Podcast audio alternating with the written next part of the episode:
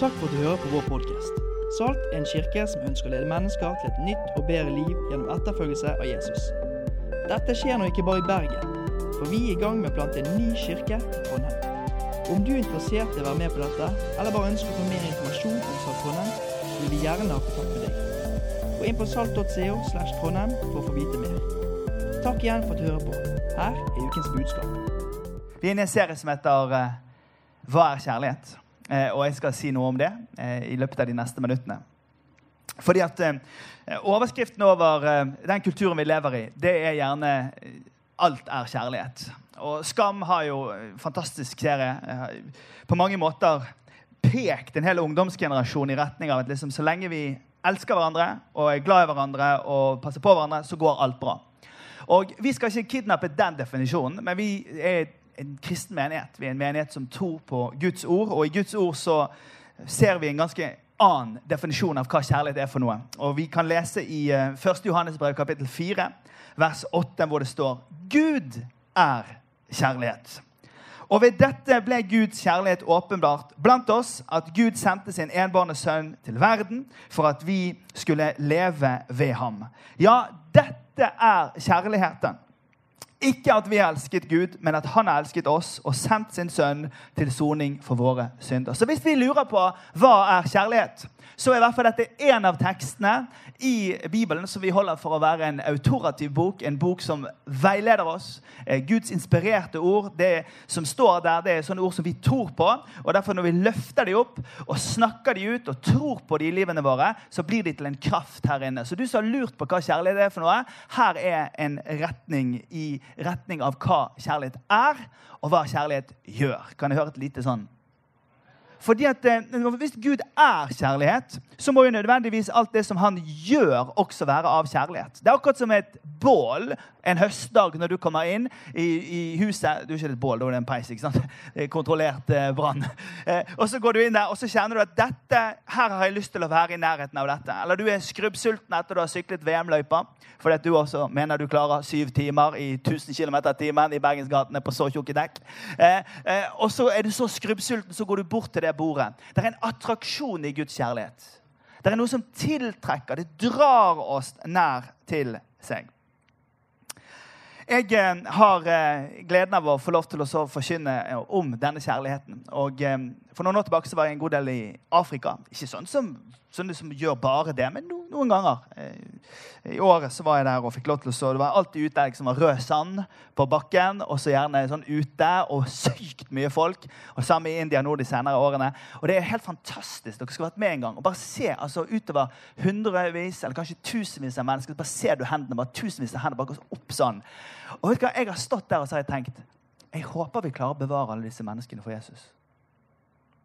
Så har jeg vært i søndagsskoleklasser og snakket med unger om Jesus. Og så har jeg tenkt jeg håper vi klarer å ha disse med når de blir ungdommer.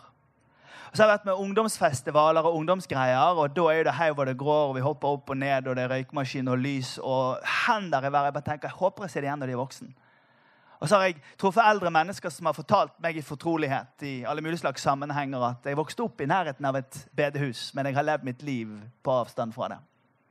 For det er det som skjer med oss som bor i denne delen av verden, det er det at eh, vi eh, går gjennom skolen, og så får vi en utdannelse, og så får vi oss en jobb, og så eh, får vi fritidssysler, og så blir vi glad i å sykle og kite og seile og gjøre. Og alle de tingene der de tilhører det å være mennesker. Men det som begynte som en jobb, blir til slutt en jobb som vi elsker.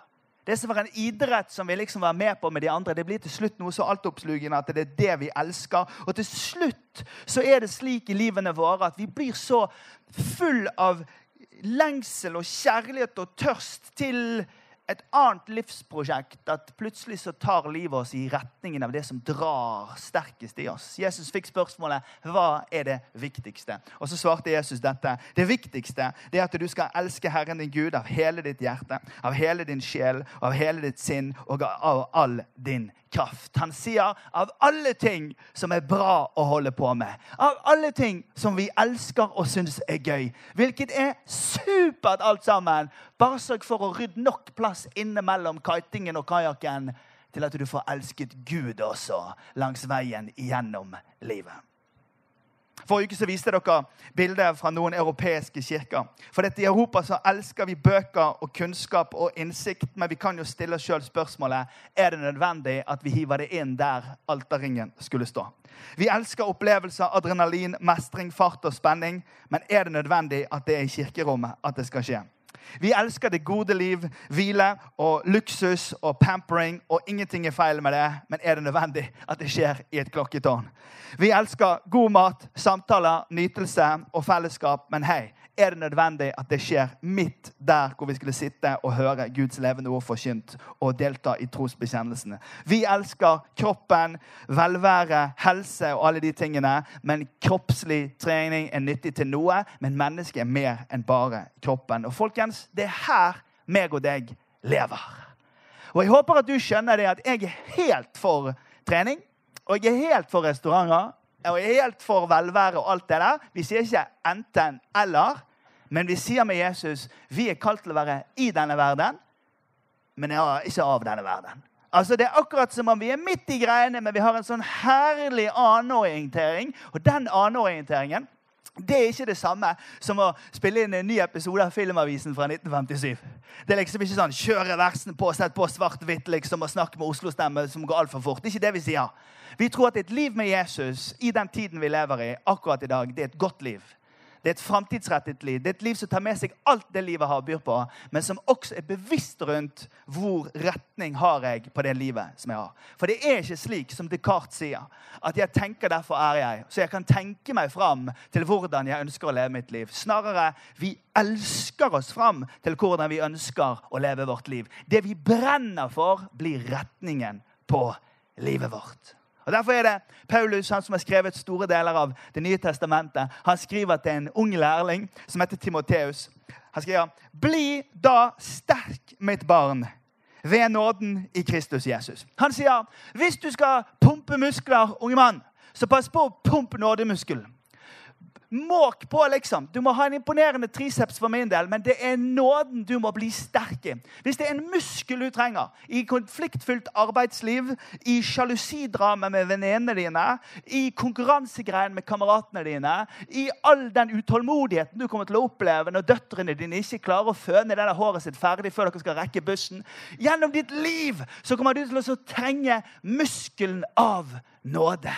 Og så sier Paulus at for at her, denne muskelen her skal liksom fortsette, så må du gjøre sånn som dette, sier han. Du har hørt av meg i mange vitners nærvær. Og Nå skal du få lov til å gi dette videre til pålitelige mennesker som igjen er i stand til å undervise andre. 2. Timoteus 2.2. Og Det er et sentralt prinsipp i denne kirken. her, Det er 2.2.2. Det betyr vi må tenke på at vi smitter videre det vi tror på. Og så sitter besteforeldre rundt omkring her i Norge og lurer på hvorfor i all verden er ikke ungene mine så opptatt av det som jeg var opptatt av. Hvorfor er barnebarna mine heller ute og gjør det istedenfor å være med i den kristne forsamlingen? Jo, det er dette verset som er løsningen. Paulus sier i generasjon 1 så er det han som har det. I generasjon 2 så er det Timoteus som har det. I generasjon 3 er det pålitelige mennesker som får det. Og i generasjon 4 så er vi i stand til å undervise andre. Vet du, hvis vi skal få lov til å gi nåden, kjærligheten, Guds rene, klare budskap om at han elsker videre til våre oldebarn, som er her i år 2104 og feirer VM i kiting her borte i svingen, for det blåser sånn pga. alt som skal skje med global warming, så trenger vi å sjøl i denne generasjonen bli sterke. Og vi trenger å øve muskelen av kjærlighet. For øver vi muskelen av kjærlighet i eget liv, så smitter vi det videre til de som kommer etter oss, og de som kommer etter oss, og de som kommer etter oss. Det første vi er nødt til å erkjenne, da, hvis du tar notater i boken din, det er at vi er nødt til å erkjenne det, at vi er formbare. Du og jeg som mennesker, vi blir formet. Vi blir formet av utdannelse, vi blir formet av media, vi blir formet av alle mulige slags ting. Men da må vi være klar over at selv om vi leser en artikkel om at det er lurt å spise sunt, så er det ikke sånn at vi alle sammen da går hjem og liksom lager oss en sånn grønnsaksshake. Vi kjører i oss en McDonald's på veien hjem bare for vi skal ha litt røstespising før vi må ete det greiene. Altså, Vi tror jo at fordi at det står i denne folkehelsegreia at vi burde spise så og så mange måltider og trene, så gjør vi det. Vi gjør ikke Vi spiser Grandiosa. Til og med jenter fra Sørlandet spiser Grandiosa. Har jeg lært i dag. Og vi, vi, vi gjør usunne ting. Det at vi får kunnskap inn i hjernen, folkens, betyr ikke at vi får det ut i føttene og i hendene våre. Er dere med på den? Vi er formbare, og den formingen den skjer på mange ulike måter. Forrige uke siterte jeg Sankt Augustin, som skrev i sine bekjennelser i år 397, biskopen av Hippo, teologen og filosofen. Han skrev dette om det å være menneske.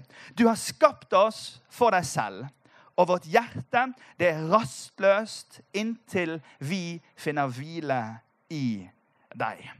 Det han mener med det, det er det at Gud i eh, første Mosebok kapittel 2 skapte menneskene for at han ønsket å være sammen med menneskene. Det vil si at mennesket i sin essens er skapt for å være i relasjon med Gud. Men når vi er ute av relasjon med Gud, så er vi rastløse.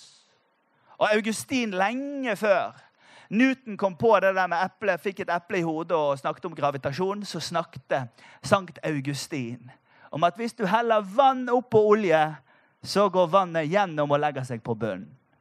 Hvis du har en stein, så går han gjennom vannet så går han mot bunnen. Og så var det ikke biskopen av Hippo i 397 som sa at hvis du tar en badeball og presser han ned, så spretter han opp igjen. Men jeg bruker det moderne eksempelet for å forklare at alt som ikke er i sitt riktige element, er rastløst. Et hjerte er rastløst så leter vi. Kan jeg få lov til å oppleve dette? Kan jeg få lov til å kjøpe dette? Kan jeg få lov til å være med på dette? Kan jeg få lov til å kjenne dette? Kan jeg få lov til å være, være, være delaktig i dette? Og så leter vi i vår rastløshet. Men det å være menneske, det handler om å finne sin hvile i Gud. Derfor så sier Augustin min vekt er min kjærlighet. Der hvor jeg blir brakt, er det kjærligheten som bringer meg. Augustin erkjenner at det som er mitt hjertes lengsel, det blir til slutt det stedet som jeg ender opp på. Det er Få ganger jeg har lent meg så kraftig på en bok som jeg har gjort forrige søndag og i dag.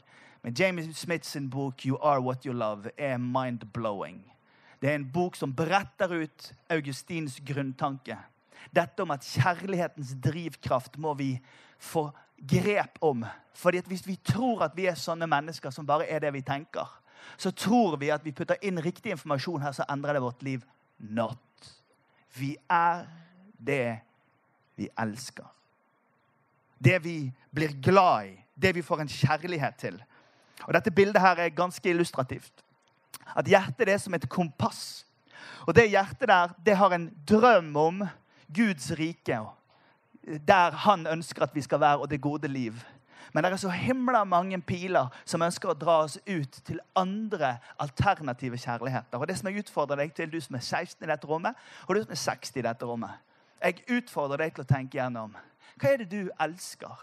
Hva er det som er drivkraften i din kjærlighet? Hva er det som får deg i retning av det som, som Gud inviterer deg til?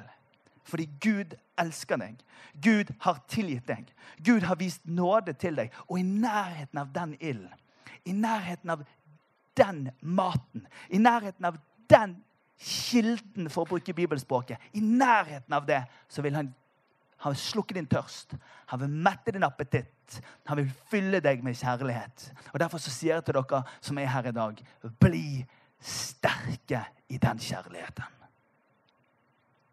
Bli sterke i den kjærligheten. Det første vi må erkjenne, er at vi er formbare. Det andre vi må erkjenne, er at vi trenger forming. Vi trenger å bli formet. For noen år tilbake Det kom opp på Face her. Eh, jeg har Facebook. Dere som er unge her, det er noe som vi hadde før. Eh, jeg har lært, vært med i gjeng med 15-åringer i helgen på fotballcup, og det er bare så eh, tidlig 2017 med Face. Så, så, der er jeg fra den generasjonen. Eh, men jeg fikk opp sånne minner, minner eh, på Facebook. Og da hadde vi cirka på denne tiden her for en fem-seks år siden en serie som heter eh, Guds garderobe. Eh, og den var utrolig kul. og, og jeg liksom, jeg hadde, Et av de bærende illustrasjonene mine var at veien til en ny verden går gjennom en garderobe. Og så viste vi Narnia-filmen. Det det var, jo, det stemte jo greier. Det var liksom Gjennom garderoben Wow, ny verden. Eh, det ble ikke voldsom stemning, men jeg syns det var veldig gøy. Eh, akkurat det. Og da, og da forkynte jeg mye fra denne teksten i Kolosserbrevet, som er litt interessant. Kolosserbrevet kapittel 3, eh, vers 12. Dere er Guds utvalgte, helliget og elsket av ham. Kle dere derfor i inderlig medfølelse å være gode, milde, ydmyke og tålmodige. Så dere bærer over med hverandre og tilgir hverandre hvis den ene har noe å bebreide den andre. Som Herren har tilgitt dere, skal dere tilgi hverandre. Og overalt dette, kle dere i kjærlighet, som er båndet som binder sammen og gjør fullkommen. Altså Her lister han opp at eh, når du går inn på, eh, på der du kjøper klær ikke sant? Jeg skal ikke si steder her nå. Der du kjøper klær, Så tar du på deg altså noen dyder. Og det er et ord vi bruker lite.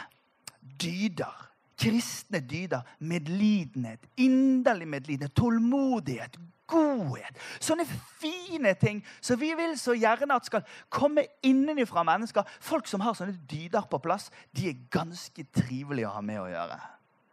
Men Da må vi ta av noe, så må vi ta på noe. Hvordan gjør man alt dette? Jeg har oppdratt tre barn. Det har gått bra sånn cirka.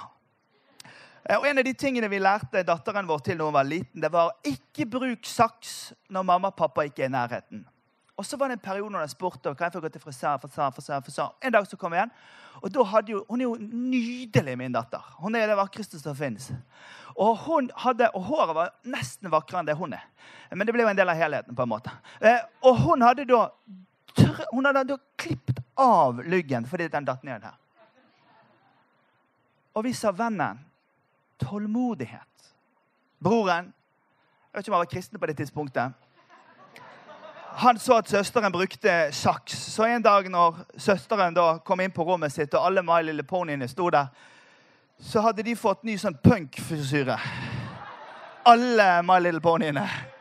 Det er klart at Dette er jo et sår som hun bærer med seg.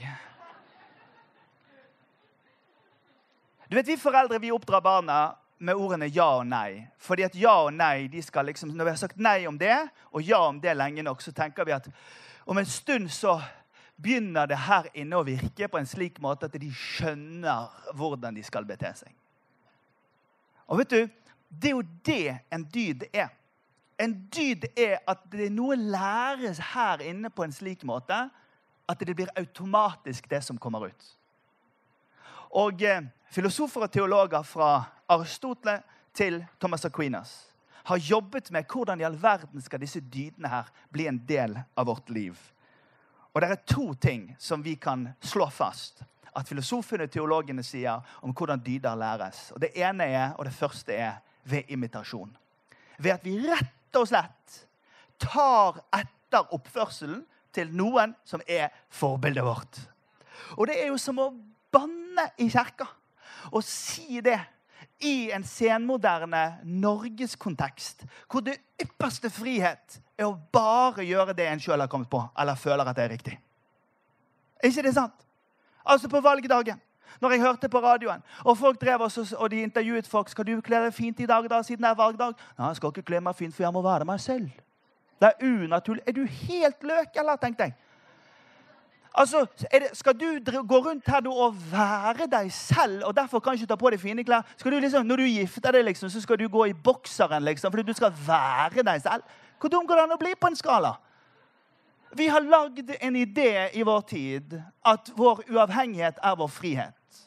Men da mister vi også evnen til å kunne lære av noen som har gått foran oss. Jeg forventer at ungene mine lærer noen ting av meg når jeg er deres forelder. Paulus sa det samme i 1. Korinterbrev 11, vers 1. Så sa han, «Eh, 'Følg mitt eksempel', sa han, sånn som vi følger Kristus. Han sa også i Filippabrevet kapittel 3, vers 17.: Følg mitt eksempel, sånn som vi lever. Og vet du hva jeg tror? Jeg tror at når et barn ser sine foreldre eh, takke takle noe med, eh, med medfølelse eller med, med, tålmodighet eller med besinnelse, så er det med å gi et eksempel på hvordan dydene kan overstyre det naturlige reaksjonsmønsteret. Og jeg står ikke her og sier at jeg alltid gjør det. For jeg tok Bybanen forrige dagen. Og det var så mye folk på den bybanen. Skulle tro at hele Tokyo og Shanghai hadde flyttet inn i én bybane på vei sørover. Og det er klart at når jeg er litt sånn trøtt i beina, ikke sant? Eh, og så ser jeg at det sitter småunger rundt omkring, og foreldrene bare sitter sånn og ser ut vinduet, og så står det eldre folk på typ 700 år der, så tenker jeg noen må lære disse folkene opp til at vi gir fra oss setet når noen andre Er ikke dere enige? Men jeg kan ikke være aggressiv i min samfunnskritikk, for da får jeg kjeft på kontoret. Så jeg er veldig positiv når jeg sier det. Reis dere nå, gamle folk! Skjønner du? Ved å bare ta etter. Derfor er det så himla viktig for meg å ha med meg ungene mine når vi skal på misjonstur.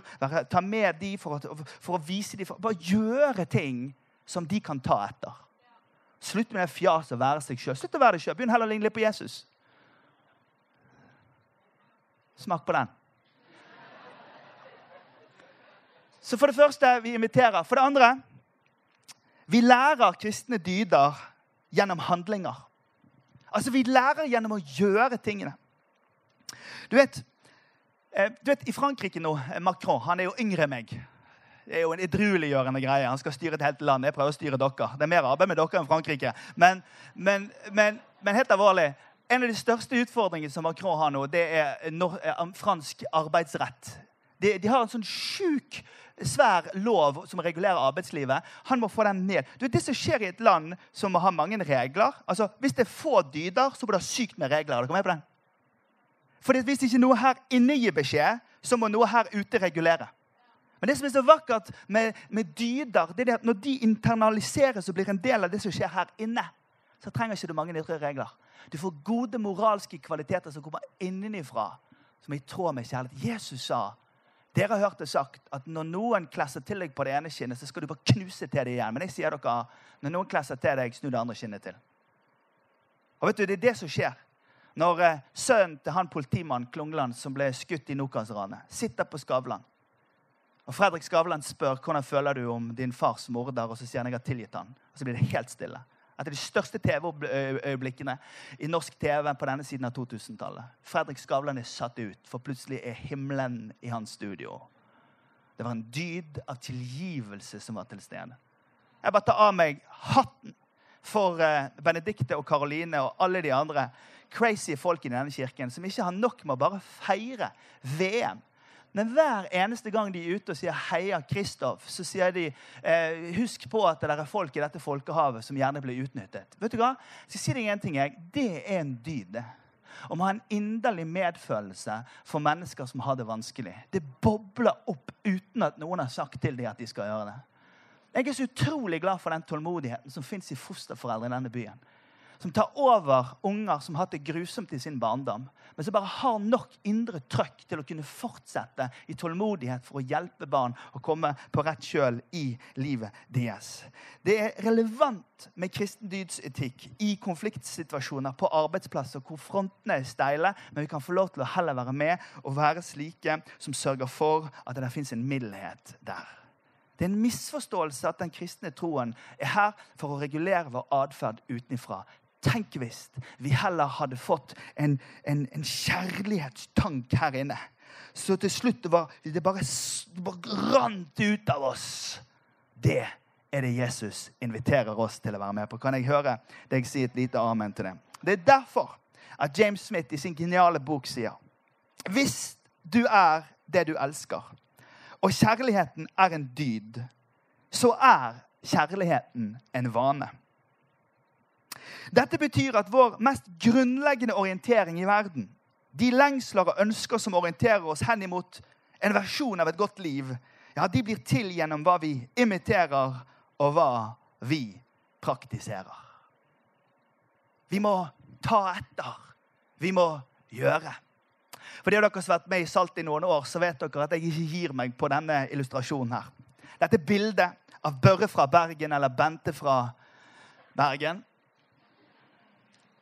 som plasseres i et miljø som har noen helt sentrale kjernepraksiser. Som gjøres uke inn og uke ut. Uke inn og uke ut. Som ikke handler om søndag, men som handler om dette er det vi holder på med i kirken vår. Vi sier noen ord fra himmelen.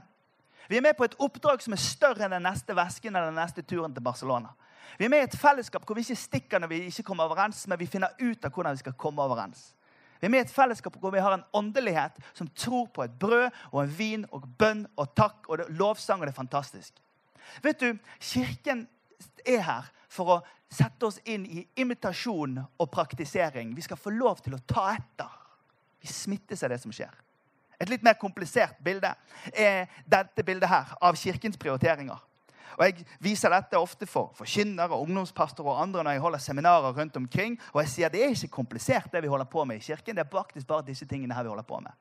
For det som skjer hvis du kommer inn i en menighet hvor man driver med tilbedelse, det at vi synger lov Vet du hva? Kirken er det eneste stedet som er ærlig nok til å si at vi tilber Gud. På kjøpesenter merker du det ikke. Du, til, du, du kunne like så godt satt opp et sånn hinduistisk tempel der oppe. For du går rundt og tilber alt mulig fra Starbucks til, eh, til, eh, til Volt. I'm serious. Tenk gjennom det. Avklart. Her tilber vi Gud. Her inne her ber vi til Gud. Her tror vi på dåpen. Her tror vi på brødsbrytelsen. Vi tror på fellesskapet. Vi tror på undervisningen. Vi tror på å delta og tjene andre mennesker. Vi tror på å dele troen vår med andre mennesker rundt oss. Kirken sysler ikke egentlig med så mye greier. Men tenk hvis Børge få lov til å komme inn i dette fellesskapet. da. Og bare begynne å imitere, smitte, ta til seg og delta. Og vet du, Jeg har jobbet med denne menigheten nå i 13 år, 17 år i Bergen. og En av de tingene som jeg synes er mest slitsomt, det er at vi kan jobbe med trosopplæringsplaner, og vi kan lage kalendere, og vi kan sende ut, og vi kan insta-bombe folk for å få folk til å være med på ting. Men bunndraget i hjertet, det er denne tingen her meg og deg trenger å kalibrere hjertet vårt et sted. Fordi at vi er utdannet til vi elsker jobben. Vi blir trent til vi elsker idretten. Vi blir kulturelt til vi elsker dramastykkene på den, den, den, nasjonale scene. Vi går på konserter til vi digger det. For det er så mange ting som vil ha vår kjærlighet. Men hør på meg. Alt det der er glimrende. Men husk, det viktigste det er å komme til Han som er kjærligheten. For i nærheten av Han som er det, så kommer det en kraft som gjør at meg og deg blir smittet av det. Bli sterk i nåden. Sånn at dine oldebarn er sterkere enn det du var når du var 25. For det er det det handler om, å øve opp den styrken for framtida. Nå skal vi vise dere en sykkelfilm. Sykkel-VM og sykkelfilm den varer noen minutter. Den er ikke tekstet, så snakk med sidemann hvis du trenger tekst. En glimrende illustrasjon om hvordan du og jeg ikke bare er det vi tenker, men vi trenger automatiseringen av vårt indre. Følg med på dette. her. Hey, it's me, Destin. Welcome back to Smarter Every Day. You've heard people say it's just like riding a bike, meaning it's really easy and you can't forget how to do it, right? But I did something. I did something that damaged my mind. It happened on the streets of Amsterdam, and, and I got really scared, honestly. I, I can't ride a bike like you can anymore. Before I show you the video of what happened, I, I need to tell you the backstory. Like many six year olds with a MacGyver mullet, I learned how to ride a bike when I was really young. I had learned a life skill and I was really proud of it. Everything changed though when my friend Barney called me 25 years later. Where I work, the welders are geniuses and they like to play jokes on the engineers. He had a challenge for me. He had built a special bicycle and he wanted me to try to ride it. He had only changed one thing. When you turn the handlebar to the left, the wheel goes to the right. When you turn it to the right, the wheel goes to the left. I thought this would be easy, so I hopped on the bike ready to demonstrate how quickly I could conquer this. And here he is, ladies and gentlemen, Mr. Destin Sandlin. First attempt riding the bicycle. All right. So the faster I go, the better. Yeah. Yeah, I couldn't do it. You can see that I'm laughing, but I'm actually really frustrated. In this moment, I had a really deep revelation. My thinking was in a rut. This bike revealed a very deep truth to me. I had the knowledge of how to operate the bike, but I did not have the understanding. Therefore, knowledge is not understanding. Look, I know what you're probably thinking. Destin's probably just an uncoordinated engineer and can't do it. But that's not the case at all. The algorithm that's associated with riding a bike in your brain is just that complicated. Think about it downwards force on the pedals, leaning your whole body, pulling and pushing the handlebars, gyroscopic precession in the wheels. Every single force is part of this algorithm. And if you change any one part, it affects the entire control system. I do not make definitive statements that often, but I'm telling you right now, you cannot ride this bicycle. You might think you can, but you can't. I know this because I'm often asked to speak at universities and conferences, and I take the bike with me. It's always the same. People think they're going to try some trick or they're just going to power through it. It doesn't work. Your brain cannot handle this. For instance, this guy, I offered him $200 just to ride this bike 10 feet across the stage. Everybody thought he could do it. No, you didn't understand. You didn't understand. So, this way. All right, a. All right, so, uh, you're ready. Wait, wait. No, no, you have to keep your feet on. Dude, all right, here we go. Just give me Wait, wait, wait. Like, you gotta start rolling at least. And go. Oh, go! All right, back up. Okay, wait. Keep your feet on the pedal. Go. go right on.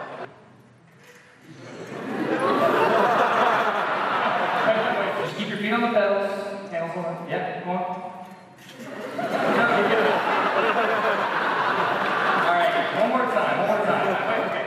Once you have a rigid way of thinking in your head, sometimes you cannot change that, even if you want to.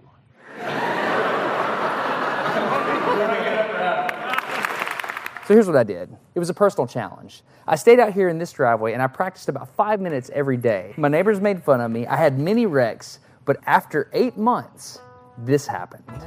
One day I couldn't ride the bike, and the next day I could. It was like I could feel some kind of pathway in my brain that was now unlocked. It was really weird though. It's like there's this trail in my brain, but if I wasn't paying close enough attention to it, my brain would easily lose that neural path and jump back onto the old road it was more familiar with. Any small distractions at all, like a cell phone ringing in my pocket, would instantly throw my brain back to the old control algorithm and I would wreck. But at least I could ride it. My son is the closest person to me genetically, and he's been riding a normal bike for three years. That's over half his life. I wanted to know how long it would take him to learn how to ride a backwards bike, so I told him if he learned how to ride a backwards bike, he could go with me to Australia and meet a real astronaut. Are you going to give up? No. Go ahead. This is how it starts. Look at this.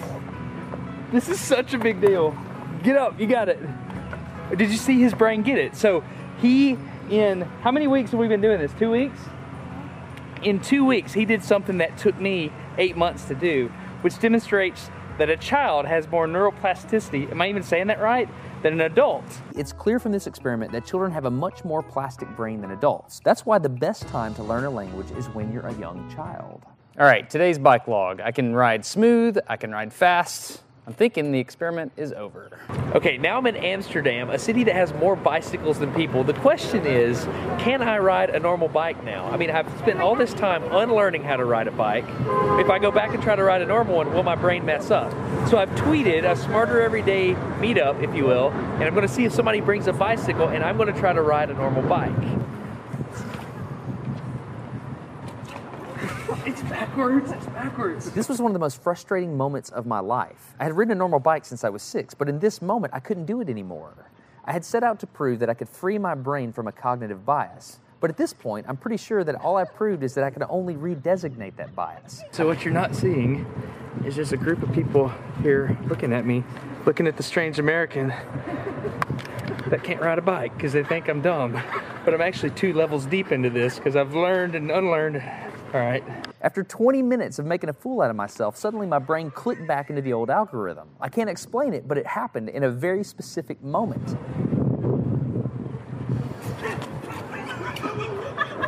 I got it, I got it, I got it. I'm back. Oh, it clicked. It clicked. Hold it, it clicked. I got it, I got it. Okay, there it is. There was the moment. Okay, I can ride a bike.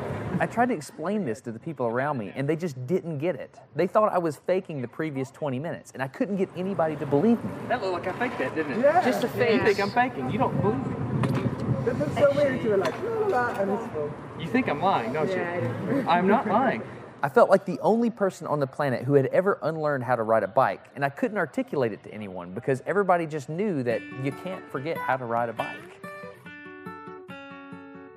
So I learned three things from this experiment. I learned that welders are often smarter than engineers. I learned that knowledge does not equal understanding. And I learned that truth is truth, no matter what I think about it.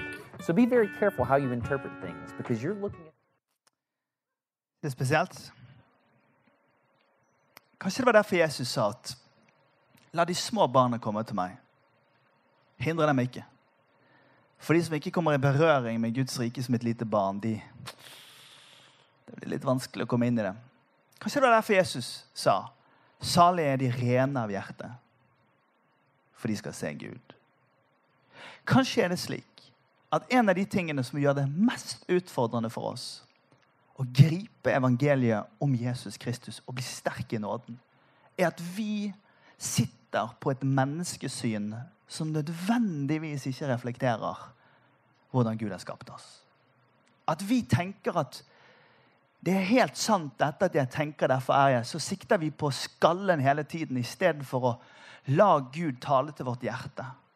La hendene våre få lov til å lære at det å tjene et annet menneske, det setter oss i berøring med kjærligheten. At ikke føttene våre får muligheten til å gå til steder som, som, ikke gir oss noe som nødvendigvis vi i utgangspunktet tror vi vil ha, men når vi trakker inn i slummen istedenfor å gå til luksushotellet, så lærer vi at vi kan få lov til å være med og bety en forskjell for noen som har havnet utenfor.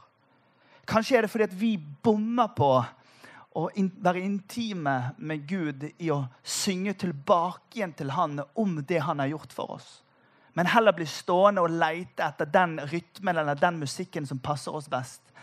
Istedenfor å delta i den musikken sånn som de i Oldkirken la vekt på. At når vi synger sanger, så må det reflektere det han har gjort for oss. Vi står her nede og tenker vi skal forstå alt før vi snakker tilbake. Mens det han inviterer oss inn i, det er en sone av varme og brann og lidenskap og kjærlighet og nåde som nødvendigvis ikke passer i kategoriene her, men som bare forandrer hele her. Hva er kjærlighet? Jeg mener vi har langt igjen før vi kan svare helt på det. Men begynnelsen den må ligge i Guds ords veiledning. Det er der, i det han er, og det han gjør. Og Da er det sånn, folkens, at ingen av oss skal være arrogante og tenke at vi har skjønt det. Vi alle sammen er det der utrolig artige illustrasjonen med denne sykkelen viser oss at meg og deg Vi trenger faktisk å lære å sykle igjen. Skal vi reise oss opp? Herre, vi takker deg for ditt ord. Og vi takker deg for at ditt ord eh, hjelper oss i å forstå mer av det å være menneske, og mer av det du har gjort for oss. Herre, jeg har så lyst til å takke deg først og fremst i dag for at dette er kjærligheten. Ikke at vi har elsket deg først, men at du har tatt et initiativ overfor oss for å gi oss sønnen din for at vi skulle få lov til å leve. Herre, det er komplekst å være menneske, og vi erkjenner det. Og Herre, jeg ber om forlatelse om jeg har blitt høy på en tanke her i dag og snakker over hodet på noe. Det har ikke vært min intensjon. Men jeg ber deg, Herre, om at det vi snakker om i dag, må må få lov til å synke ned i tankene våre og i hjertet vårt. Sånn at din Hellige Ånd kan hjelpe oss å se hva motivasjonen vår er i livet. Herre, at ikke vi bare blir med i retning av det alle andre sier at vi skal elske, eller det vi blir invitert til. Men at vi klarer å være i denne verden med treningsstudioene og bibliotekene og opplevelsene og, og og hotellene og velvære og alt dette du har sagt at vi skal få nyte. Ja, ja, ja. Men Herre, du har kalt oss til å elske tilbake. Og Jeg ber deg for hver gutt og jente, mann og kvinne, ung og eldre i denne menigheten, om at vi skal få lov til å lære det. Herre, takk at ditt ord til oss er et ord av nåde og ikke fordømmelse. Og Jeg ønsker bare å forkynne utover dette rommet her og til alle som hører denne talen, at dette er Herrens frigjørende ord. Herrens oppmuntrende ord og invitasjonen til å bli sterk i forståelsen av hans kjærlighet.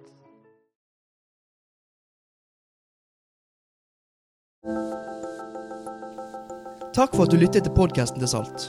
For å høre flere, besøk oss på saltbergen.no.